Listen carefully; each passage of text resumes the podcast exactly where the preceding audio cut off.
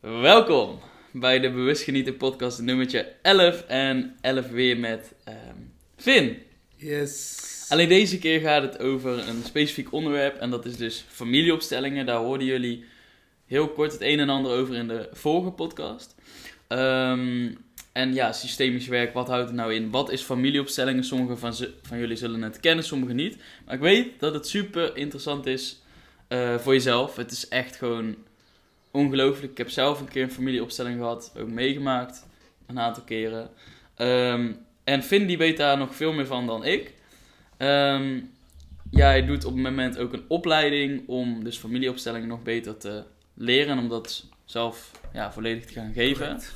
En jij wil je, ja, wat je ziet is, familieopstellingen is, eh, bestaat al best wel lang. Ja, best een tijdje. En je ziet het vooral veel eh, iets oudere generaties ehm, gebruik van maken. Maar jij wil je meer gaan richten op die jongeren. Want ja, het is natuurlijk voor iedereen eh, super waardevol. Ik denk juist voor de jongeren. Juist voor de jongeren. Ik ga mijn mond houden, want jij weet alles van. Eh, ik ben benieuwd. Vertel eens even aan ehm, mijn luisteraars, of de, onze luisteraars op dit moment. ehm, wat is familieopstellingen? Wat heb je eraan? Wat brengt het je? Bas Gewoon los. even lekker los. Bas los. Eh, ja, inderdaad, wat je al zei. Ik eh, ben er erg bekend mee. Ik, eh, dat haakt een beetje aan op wat er in de vorige podcast, wat ik daarover zei. Dat ik in een schoonfamilie ben beland. Waar dat eigenlijk de manier is om naar hun omgeving te kijken. Eigenlijk Mhm. systemisch naar de gezinsstructuur, naar jouw verhoudingen met andere mensen. En je betreft het altijd op jezelf. Je kijkt, sta ik op de juiste plek? Mhm. Dus ehm, zodoende ben ik een beetje in dat wereldje gerold. Vaak meegegaan naar opstellingen die zij deden. Want eh, mijn schoonmoeder, dus de moeder van mijn vriendin, die begeleidt zelf opstellingen. Mhm. Die geeft ook eh, in haar opleiding, ze heeft een kindercoachopleiding, waar systemisch werken heel erg geïntegreerd is. En die opleiding ben ik dus ook gaan doen. Dus daar heb ik al deels het systemisch werken meegekregen. Veel meegaan naar opstellingen, wat ook wel echt eigenlijk de manier is om het te leren. Ja. Dus veel representant staan, waar ik zo wat verder op inga, wat dat precies is. Het gewoon meemaken en veel daar thuis erover praten. Ja. Ik heb mijn eigen opstellingen mogen doen, waardoor je natuurlijk ook echt van die insight begrijpt hoe het voor jou is om zelf een opstelling te doen. En zoals je zei, ben ik nu echt aan het leren om zelf opstellingen te begeleiden. Ik, eh, en dat is niet echt een opleiding, dat is meer, eh, ja, je zou kunnen zeggen dat ik een stagiair ben bij Jeanette. Dat ik gewoon daar meeloop met haar bij de opstellingen. En in de praktijk gewoon leer. Door heel vaak mee te gaan. Door heel veel eh, daar gewoon te zijn. En eh, zij legt dan gewoon aan mij wat meer uit wat ze doet. Ten eh, opzichte van de andere mensen die daar zijn, die de dag ervaren. Ondertitelt zij het soms wat meer. Zodat ik het beetje bij beetje in de praktijk leer. Juist. Wat denk ik juist belangrijk is in dit werk. Maar dat zet mij wel in een positie om het in ieder geval naar een jongere generatie eh, over te dragen. Mhm. Voor nu. Eh, op deze manier. En hopelijk in de nabije toekomst ook inderdaad eh, met de jongeren aan het werk te gaan op dit gebied. Ehm, maar ik ga nu gewoon lekker delen wat dan die familieopstellingen zijn. Dat is waar jullie natuurlijk deze podcast voor luisteren. Mhm. Wat het jou kan brengen. En ehm, de familieopstellingen is dus eigenlijk een manier van werken met het systemisch kijken. Het systemisch kijken, dat is dus eigenlijk eh, wat ik in de vorige podcast al kort zei. Dat er, er zijn heel veel systemen om jou heen. Van op jouw werk, in de maatschappij, bij jou thuis. En ehm, om dat even goed te begrijpen, gaan we even terug naar de geboorte. Als jij als kindje hier op aarde komt, is het eerste systeem dat jij kent jouw familiesysteem. Dat is de basis van alles, jouw gezinsstructuur. Mm. Papa, mama, misschien broertjes of zusjes. En dat is dus eigenlijk het systeem waarin jij de eerste levenslessen, jouw eerste ervaringen opdoet. Dat is het systeem dat jij kent. En dus eigenlijk de structuur die de basis is van jouw zijn. Vanuit daar ga je de rest van de wereld ervaren. Maar zodra je naar de basisschool gaat, ontstaat daar een nieuw systeem. Want er komen heel veel mensen, die dus, heel veel kinderen, die eigenlijk alleen maar hun eigen familiestructuur kennen, komen daar samen. En dan zie je dus eigenlijk heel veel familielijnen, heel veel systemen die daar samenkomen. En dat vormt een nieuw systeem. Onder leiding van de school, die op zichzelf ook weer een systeem is. Ja. En een systeem is dus eigenlijk een plek waar mensen samen zijn, samen werken, samen leven. En daar ontstaan bepaalde verhoudingen. En bij het systemisch werk ga je kijken, hoe zitten die verhoudingen? En wat hebben die verhoudingen voor gevolg voor elkaar? Je ziet bijna elk individu als een bezield machientje die met alle andere machientjes in een grotere machine samenwerkt. Want een systeem is bijna een machine. Ja. Het, eh, het verschil is dan dat wij bezielde mensen zijn. Mhm. Die eigenlijk in een systeem zitten. Die systeem, dat is de machine. Het zijn allemaal verschillende onderdeeltjes die samenwerken. Ja. Maar om een goede samenwerking tot stand te brengen, moet elk deeltje wel op de juiste plek staan en functioneren. Mhm. Dus ehm, toen is eigenlijk dat systemisch werk ontstaan. Volgens mij heet die man ehm, Bert Hellinger, ik weet het niet zeker. Maar dat is de hele tijd terug, is hij vanuit de kerk naar, Zuid, eh, naar, naar Afrika gegaan. Mhm. Eh, weet je dan, eh, je ziet vaak dat vanuit de kerken gaan van die mensen daar naartoe om daar te helpen bij de stammen, right? Ja. Ehm, en wat hij daar zag, is dat er eigenlijk gewoon geen trauma's waren. Er waren geen trauma's in die ehm, native volkeren. Nee? Waarom niet? Omdat ze bij alles dat er gebeurde gelijk de voorouders betrokken. Het systeem betrokken. Bij Ja. alles wat er gebeurde kon, was er gelijk de ruimte om het te verwerken. Ja. Met de voorouders. Waar je in het shamanisme ook ziet dat de voorouders een gigantische rol spelen. Ja. Want dat is een kracht die in jou voortleeft. Wordt er dus zodra er iets gebeurt, worden gelijk de kracht van de voorouders erbij betrokken. De kracht van de familie. Het systeem staat gelijk op aan om het gezamenlijk te verwerken. En dat was zo'n kern van wijsheid, van waarheid, Mhm. die deze Bert Hellinger dus zag. En toen heeft hij de familieopstellingen eigenlijk bedacht en opgericht. Oké. En daarom wordt het ook wel eens het eh, shamanisme van het Westen genoemd. Ja. Want het Westen heeft natuurlijk niet echt shamanen. Dat is iets dat je in eh, vooral Zuid-Amerika ziet, ook wel in Afrika, Mhm. Noord-Amerika. Maar vrij- eigenlijk niet hier.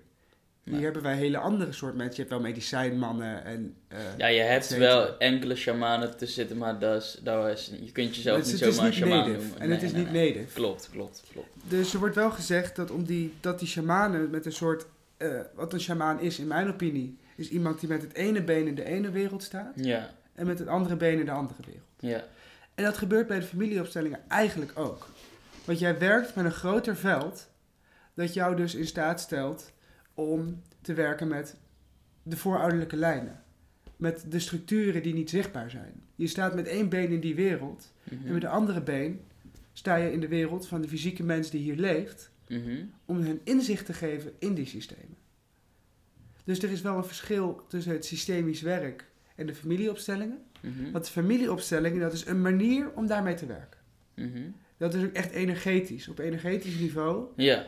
ga je mensen opstellen. Mensen die zijn dus representant. Ja, en hoe ga, hoe, vertel eens, hoe gaat dat in zijn werk? Dus Ja, Eh, daar gaan we dus ook de luisteraar die zegt, hey, eh Finn, ik wil een familieopstellingen, of ik wil een familieopstelling, ik wil een familie opstellen. Eh, hoe werkt dat? Wat ga ik dan doen? Wat gebeurt er dan? Hoe ziet het eruit? Wat maak ik mee?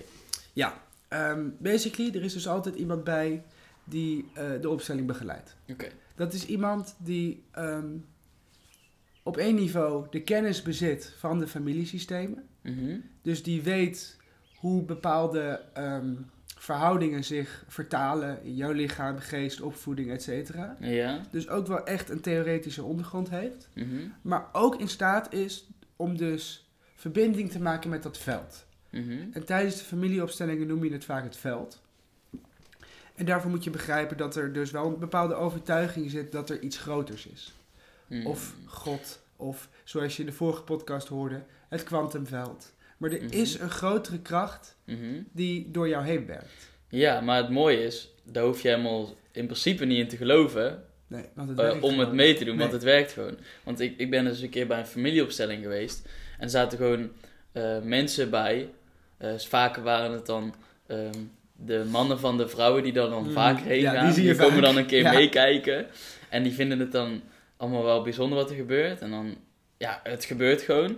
We zijn, zou ik niet per se zeggen van oh, iedereen, eh, je, moet, je moet spiritueel o- je hebben ontwikkeld om, om dit te kunnen doen. Dus dat is Nee. totaal niet. Het, het werkt gewoon altijd. Maar we weten niet helemaal hoe het werkt. Omdat we die grotere kracht Ja, niet kunnen het- begrijpen. omdat het wel eh, nogal best wel een stukje onverklaarbaar is of zo, als je het is toch wel abstract. Het, en Ja. inderdaad, met die kwantumfysica, zoals je in de vorige podcast misschien wat kan proeven, zijn er misschien wel een soort van onderbouwingen voor dat veld. Ja, Maar voor nu hou ik het gewoon even op het veld. Dat is even het woord dat ik gebruik ehm, als ik over het stukje systemisch werken en familieopstellingen praat. ja.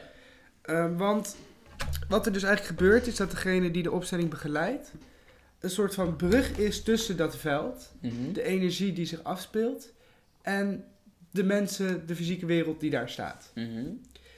En dan is er dus iemand met een vraag. En dat kan van alles zijn.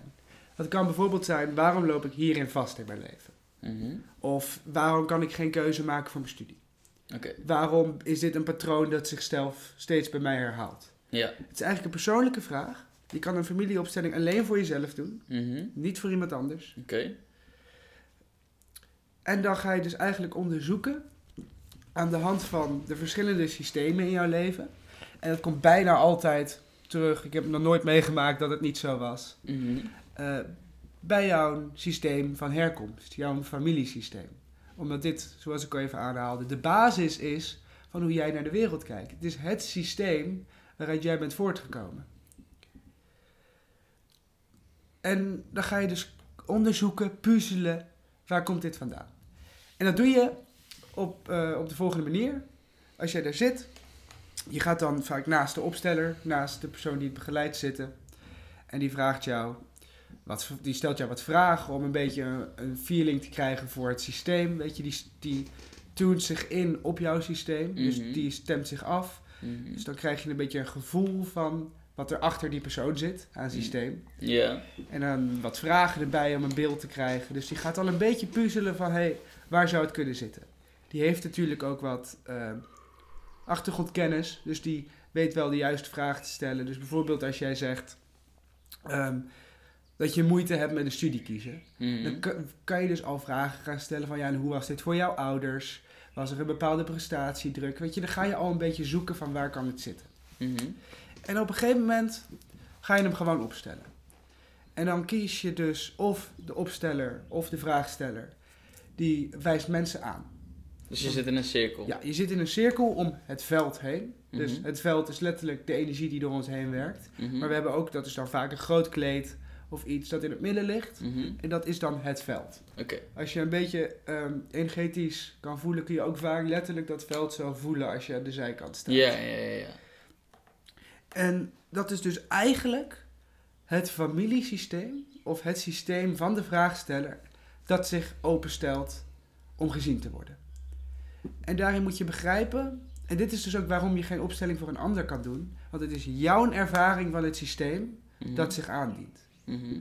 Dus als jij je vader en je moeder opstelt, dan zie je je vader en je moeder zoals jij ze ervaren hebt, hoe het voor jou is geweest. Ja. En dan, eh, dan kies je dus ook, ehm, ik weet nog toen ik opstelde dan, dan sta je dus daar. En dan moet je op een gegeven moment vanuit de cirkel met die mensen die je niet kent, eh, moet je gaan kiezen, voelen van, Ja. oké, wie gaat mijn vader spelen, wie gaat mijn moeder spelen, wie is mijn broertje, bla bla bla. Ja, en die mensen die stemmen zich dan dus onbewust. Je hoeft echt geen energiewerker te zijn. Iedereen die kan dit. Ja, ja. en again, we weten niet hoe het werkt. maar zodra jij wordt gevraagd van... Hey, wil jij representant zijn voor mijn vader, mijn moeder, ikzelf, oma, opa, whatever. Ja. Dan staat er dus iemand op en die gaat in het veld staan. En die En- voelt waar die moet staan. Dan ga je gewoon puur intuïtief, je doet het. En je weet niet hoe het werkt. Nee. Maar de, een- dus de energie van het veld werkt ook door die persoon heen. Ja. En die gebruikt dus eigenlijk dat persoon om dingen te laten zien. En vaak begin je met eh, gewoon dus de thuissituatie. Ehm, vader, moeder en kinderen. En die gaan zich dan in het veld zetten. En dan krijg je dus eigenlijk een fysieke representatie van hoe de dynamieken in de ervaring van de vraagsteller zijn geweest. Of zijn. Dus bijvoorbeeld, ehm, de vrouw, als ze op de goede plek staat, staat ze links van de man. Snap je? Dus Mhm. jouw vrouw staat aan de linkerkant. Maar dus, als, jou, als bijvoorbeeld je moeder aan de rechterkant van je vader staat, Mhm. dan staat dus eigenlijk je vader op de vrouwenplek en je moeder op de vaderplek. Ja, Snap je? Dan is die omgewisseld. ja. Dus dan, dan kan je op die manier dynamieken gaan zien. Of stel, ze staan heel ver uit elkaar. Mhm. Ja, misschien zit daar dan wel een bepaalde dynamiek in. En het vreemde is dat de eh, representanten zelfs lichaamstaal overnemen van ehm, de mensen waar ze representant voor staan. Een voorbeeld is, toen ik mijn eerste eigen opstelling deed, ehm, was iemand representant voor mijn vader. En mijn vader heeft een hele eigen lichaamstaal. Eh, die herken je uit duizenden. Mhm. En die man die ik vroeg om representant te zijn voor mijn vader, die kende ik niet, mijn vader kende hem niet. Mhm. Maar toen ik hem dat vroeg, veranderde ineens zijn hele lichaamstaal naar hoe mijn vader loopt, staat, zit. En het was alsof ik mijn vader daar zag. Ja. Dus dat was mijn ervaring van mijn vader, die zich vertaalde naar de desbetreffende representant. Mhm. En dan zie je dus echt wel dat mensen in staat zijn om dat dus gewoon door zich heen te laten werken. En dan ga je de dynamica uitspelen. En wat je dan gewoon gaat doen is eigenlijk puzzelen. Je gaat gewoon kijken van, hé, hey, waar zitten de blokkades, Yes. de opstoppingen. En op die manier kan je gewoon heel veel duidelijkheid creëren. Je neemt ook lichaamswerk mee vaak. Dus eh, stel iemand die staat met zijn handen achter de rug. Mhm. Betekent dat vaak dat hij iets achterhoudt. Mhm. Dan is er dus een bepaald geheim dat niet naar voren mag komen in een systeem. Ja. Dus als er een, in een systeem eh, bepaalde dingen niet uitgesproken mogen worden, of die worden dus letterlijk achter de rug gehouden, Mhm. dan heeft dat natuurlijk effect op de mensen in het systeem, die dat geheim niet eens meer kennen. Dus stel, in jouw eh, vaderslijn is er iets heel ergs gebeurd, Mhm. waar niet over gesproken mag worden, want dat was te pijnlijk. Ja. Dan is er dus een bepaalde energie die wel aanwezig is, waar Mhm. niet over gesproken mag worden. En omdat er niet over gesproken wordt, kent het kind het hele, ehm, de hele gebeurtenis waarover gesproken mag worden niet eens. Mhm. Maar toch ervaart hij die energie, want die Ja. zit nog steeds in het systeem. Precies. Dus dan kan het best zijn dat jij moeite krijgt met jezelf uitspreken. Ja. Dat jij het gevoel hebt dat je altijd je mo- mond dicht moet houden en dat je je niet mag gaan staan voor wat je vindt. Ja. En zodra je in één keer duidelijk krijgt van hé, hey, iedereen heeft altijd zijn mond gehouden, Mhm. daarom hou ik altijd mijn mond. Ja. Dan kan je dat eh, dus in één keer zien. Vervolgens wel aan jou de taak om het te gaan transformeren. Ja.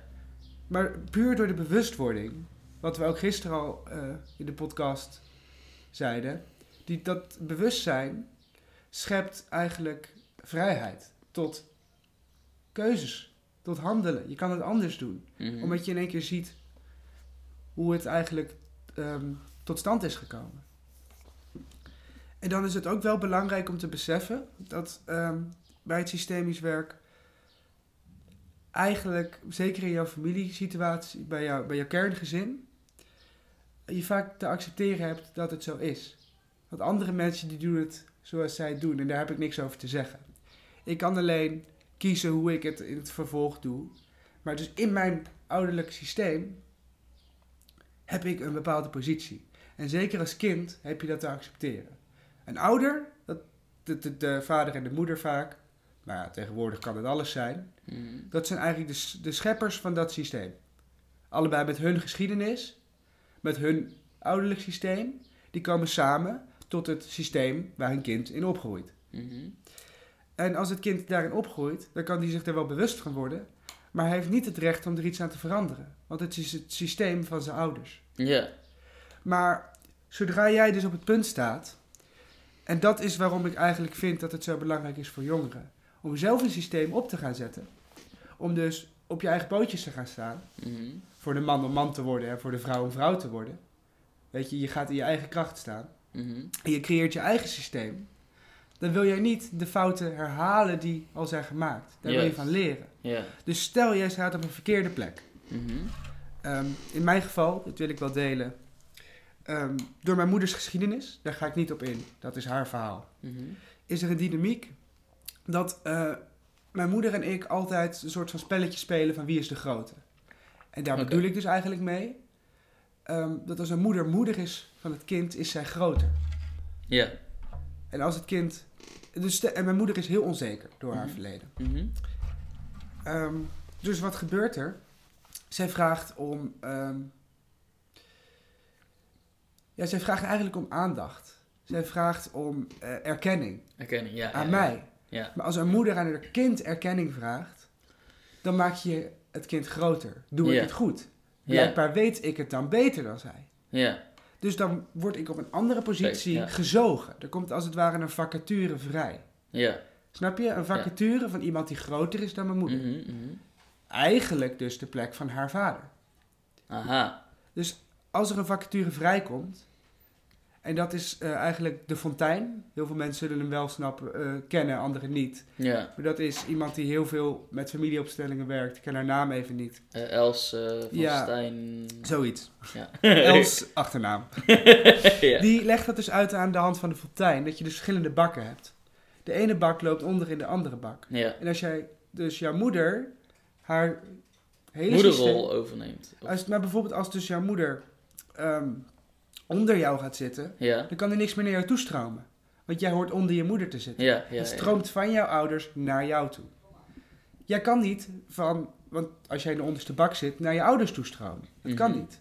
Dus zodra dat wel gebeurt, omdat ik dus erkenning aan mijn moeder geef, Mhm. moet ik in een bak boven haar gaan zitten. Ja, Wat dat gebeurt er- dan automatisch. Wat zit er in de bak boven mijn moeder? Haar ouders. Ja. Dus dan leef ik niet meer mijn leven, maar dan ben ik in dienst van het systeem de rol van mijn opa aan het leven. Mm. En dan komt dus die stap van als ik mijn eigen systeem ga beginnen, Mhm. ben ik dus in mijn ouderlijk huis, in mijn gezinssituatie, dat systeem gewend om de rol van eigenlijk mijn, va- mijn moeders vader te leven. Mhm. Maar als ik een eigen systeem leef en ik blijf in die positie staan, gaat dat effect hebben op mijn systeem. Hoe zou ik je nu niet kunnen vertellen? Mhm. Want dat is ook weer voor ieder systeem en voor ieder mens anders. Maar omdat ik dus via het systemisch werken bewust ben geworden van hoe dit zich afspeelt, Mhm.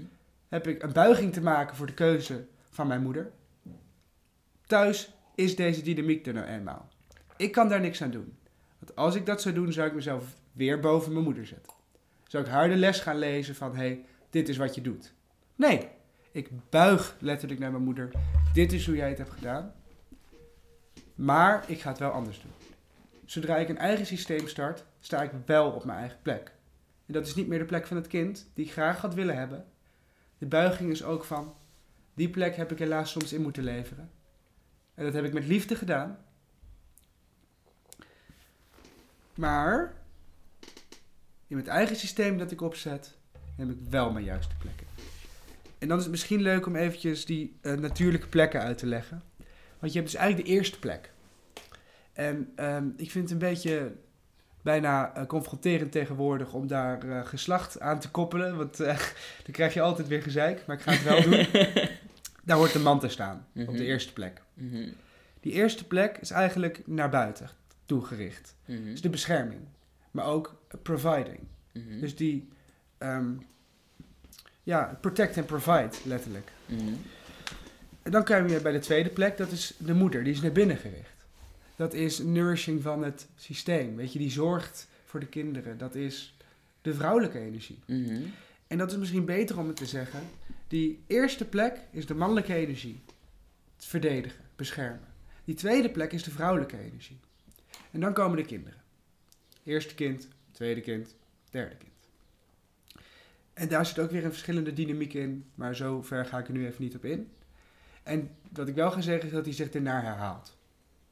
Dus eerste kind, tweede kind, derde kind. Mhm. Vierde kind is weer hetzelfde dynamiek als het eerste kind. Oké.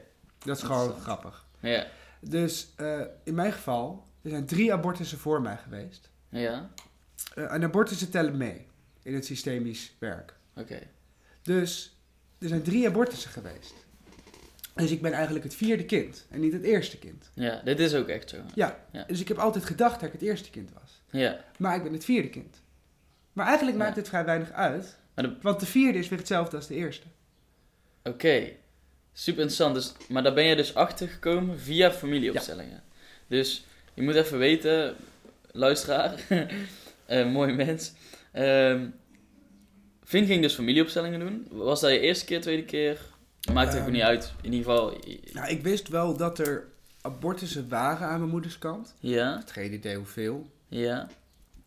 En toen eh, ging ik een opst... Nou, dit was dus niet eens een familieopstelling. Ja? Dit was systemisch werken met poppetjes. Dat is een andere manier. Oké. Dan zie je vaak dat je of Playmobil poppetjes of houten poppetjes gebruikt. Ja? En dan ga je dus met iemand zitten die systemisch werk onder de knie heeft. Ja. Vaak theoretisch heel sterk is. Mhm. En dan ga je eh, die poppetjes gewoon neerzetten. En dan gaat die persoon jou laten zien hoe het zit. Ja? En dan is het wat ehm, closer. Dus dan ben je vaak één op één met die persoon. Of eh, er zijn er andere mensen die er gewoon bij zitten. Dat doe je vaak in een wat andere setting dan echt een opstelling. Dus je Mhm. bent daar vaak niet met een groep bij elkaar. Ja? En ehm, dan ga je gewoon intuïtief die poppetjes neerzetten. Dus alsof je de representanten uitkiest, Mhm. zet jij de poppetjes intuïtief neer. Ja? En daar miste wat. Dus ik zette gewoon en ze zei... Dus dit heb ik dan met Jeanette gedaan, Mhm. dus mijn schoonmoeder. En die was eigenlijk van, ja, maar je zet het zo neer alsof er abortussen zijn. Alsof er doden zijn. Je, er, er missen mensen. Dus zo zette ik het al neer. Ik had en wist zij dat?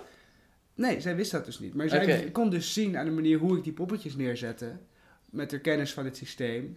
Samen met de, het intuïtieve gevoel. Mhm. Dat er dus eh, een gemis was. Ja? Oh ja, ja. En dat gemis, dat hebben we dus ook poppetjes voor neergezet. Mhm. En dat bleken gewoon abortussen te zijn. Oké. En dan wordt hier ineens duidelijk dat ik ehm, qua verhoudingen wel hetzelfde lig als die eerste, want ik ben de vierde. Ja? Maar er is wel een gemis dat in mij doorwerkt. Ja? En niet zozeer een gemis, maar eerder een... Zij mochten er niet zijn en ik ben er nu wel. Mhm. Dan hangt er in één keer een lading op jou. Als eerste kind dat wel geboren is. Mhm. Dus eerste kind mocht niet hier zijn. Tweede kind mocht niet hier zijn. Derde kind mocht niet hier zijn. Vierde kind, succes, weet je wel. Ja? Ehm, en op die manier heeft dat gewoon wel effect. Ja. En wat heb je daar zelf dan in ervaren? Ehm, nou, voor mij, ik heb altijd best wel moeite gehad met aarde. Weet je, gewoon hier aanwezig zijn. Mhm. Ik zat altijd hoog, hoog, hoog. Mhm. Omdat dat- ik vond het dus heel lastig om hier te zijn. Mag ik hier zijn? Mhm. Als er dus zo'n lading op mij ligt. Ja. En dat was voor mij dus wel gewoon letterlijk een waarom ik wel. Heb Mhm. ik toen ook uitgesproken. Ja. Vaak spreek je ook heel intuïtief dingen uit. Je hebt van die zinnen die de ziel raken, weet je wel. Mhm. Bijvoorbeeld, ehm, je, hebt, je hebt genoeg voorbeelden van... Mama, jij bent de grote, ik ben de kleine. Mama, weet je wel. Mhm. Jij bent de grote, ik ben de kleine. Mhm. Dan, als je dat alleen al uitspreekt... dan ga je dus de, je cellen in je lichaam... eigenlijk de boodschap doorgeven... ehm, van dat je nu wel op de juiste plek staat. Mhm. Het hoeft misschien niet zo te zijn... maar je weet tenminste eventjes... dat is hoe die hoort te zijn. En dan komt er vaak rust in het systeem. En ehm, ik heb zelf ook een podcast met Jeanette hierover opgenomen. Dus als je echt een professional aan de, aan het woord wil horen, dan legt zij het ook heel mooi uit. Mhm. Dus ik blijf bewust een beetje aan de oppervlakte op wat sommige onderwerpen betreft. Omdat ik gewoon vind dat zij het beter uitlegt. Dat er Mhm. andere mensen zijn die het beter uitleggen. Mhm.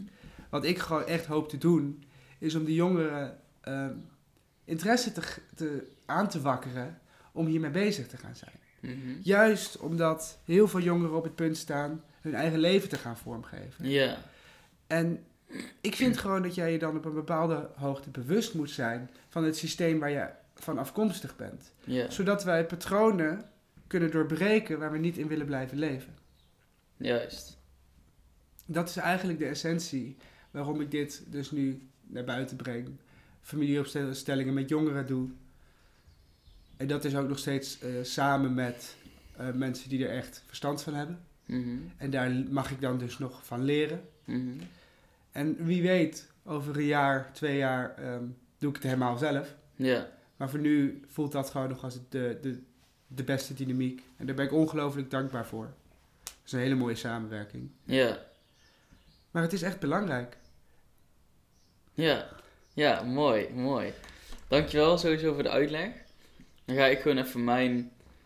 ehm, ja, even gewoon als laatste om mee te geven, zeg maar. Stel je hebt gewoon een patroon. Voor de luisteraar, je hebt een patroon en die komt steeds terug. Of je wil gewoon misschien wat meer inzicht krijgen in... mm, ja, waarom jij misschien doet zoals je doet. eh, dan kan een familieopstelling daar enorm bij helpen. het kan je heel veel eh, helderheid en rust brengen. Of in ieder geval, het heeft mij veel helderheid gebracht in mijn situatie. En ja, wat er dus even heel simpel gezegd is gebeurd, is... Je zit in een cirkel. Jij bent... ehm, je laat je opstellen door iemand die de familieopstelling begeleidt. Dan vervolgens kies jij op gevoel de mensen uit. Je vader, je moeder, eh, je broer. Als er eh, wie dan ook nodig is. En dan ja, ontstaat er dus een spel. Niemand kent jouw vader, bla bla bla. Iedereen doet soort van bla. Iedereen wordt in die, automatisch in die energie gezet van jouw vader of van je moeder. Ook al is je, of je opa, ook al is die overleden. Ehm, en dan ontstaat het gewoon. En de eerste keer toen ik het meemaakte, dacht ik echt van... Hoe kan dit, zeg maar? Gewoon, hoe, Tof, hoe, kan het? En dan brengt het je dus super veel inzicht in... Oh, waarom de- hoe het systeem dus in elkaar zit in je familie. En je ziet gewoon dat heel veel overtuigingen, pijn, trauma's, zeg maar, constant van cyclus op cyclus worden doorgegeven. Ja. En Misschien dat, wel een klein beetje getransformeerd, dat die zich op een andere Ja. manier uit. ja, ja, ja, ja, Eh, ja. Maar ze wordt doorgegeven. Juist. En zodra jij eigenlijk zegt, en ik ben er klaar mee, Ja, ik transformeer het. En dat betekent niet zeggen, ehm, ik wil het niet zo doen, want dan verbind je jezelf er nog mee. Mhm. Snap je die? ja, Want als jij jezelf in negatieve zin verbindt, verbind jij jezelf nog steeds. Dus als jij zegt, ik, zal het, ik ga het alles behalve doen zoals mijn ouders het gedaan hebben, ja, dan heb jij je nog steeds verbonden met dat wat je niet wil. ja, Het is gewoon echt zeggen, en ik doe het op mijn manier. Precies. Ik erken wat er is. Ik maak een buiging voor de keuzes die er zijn gemaakt.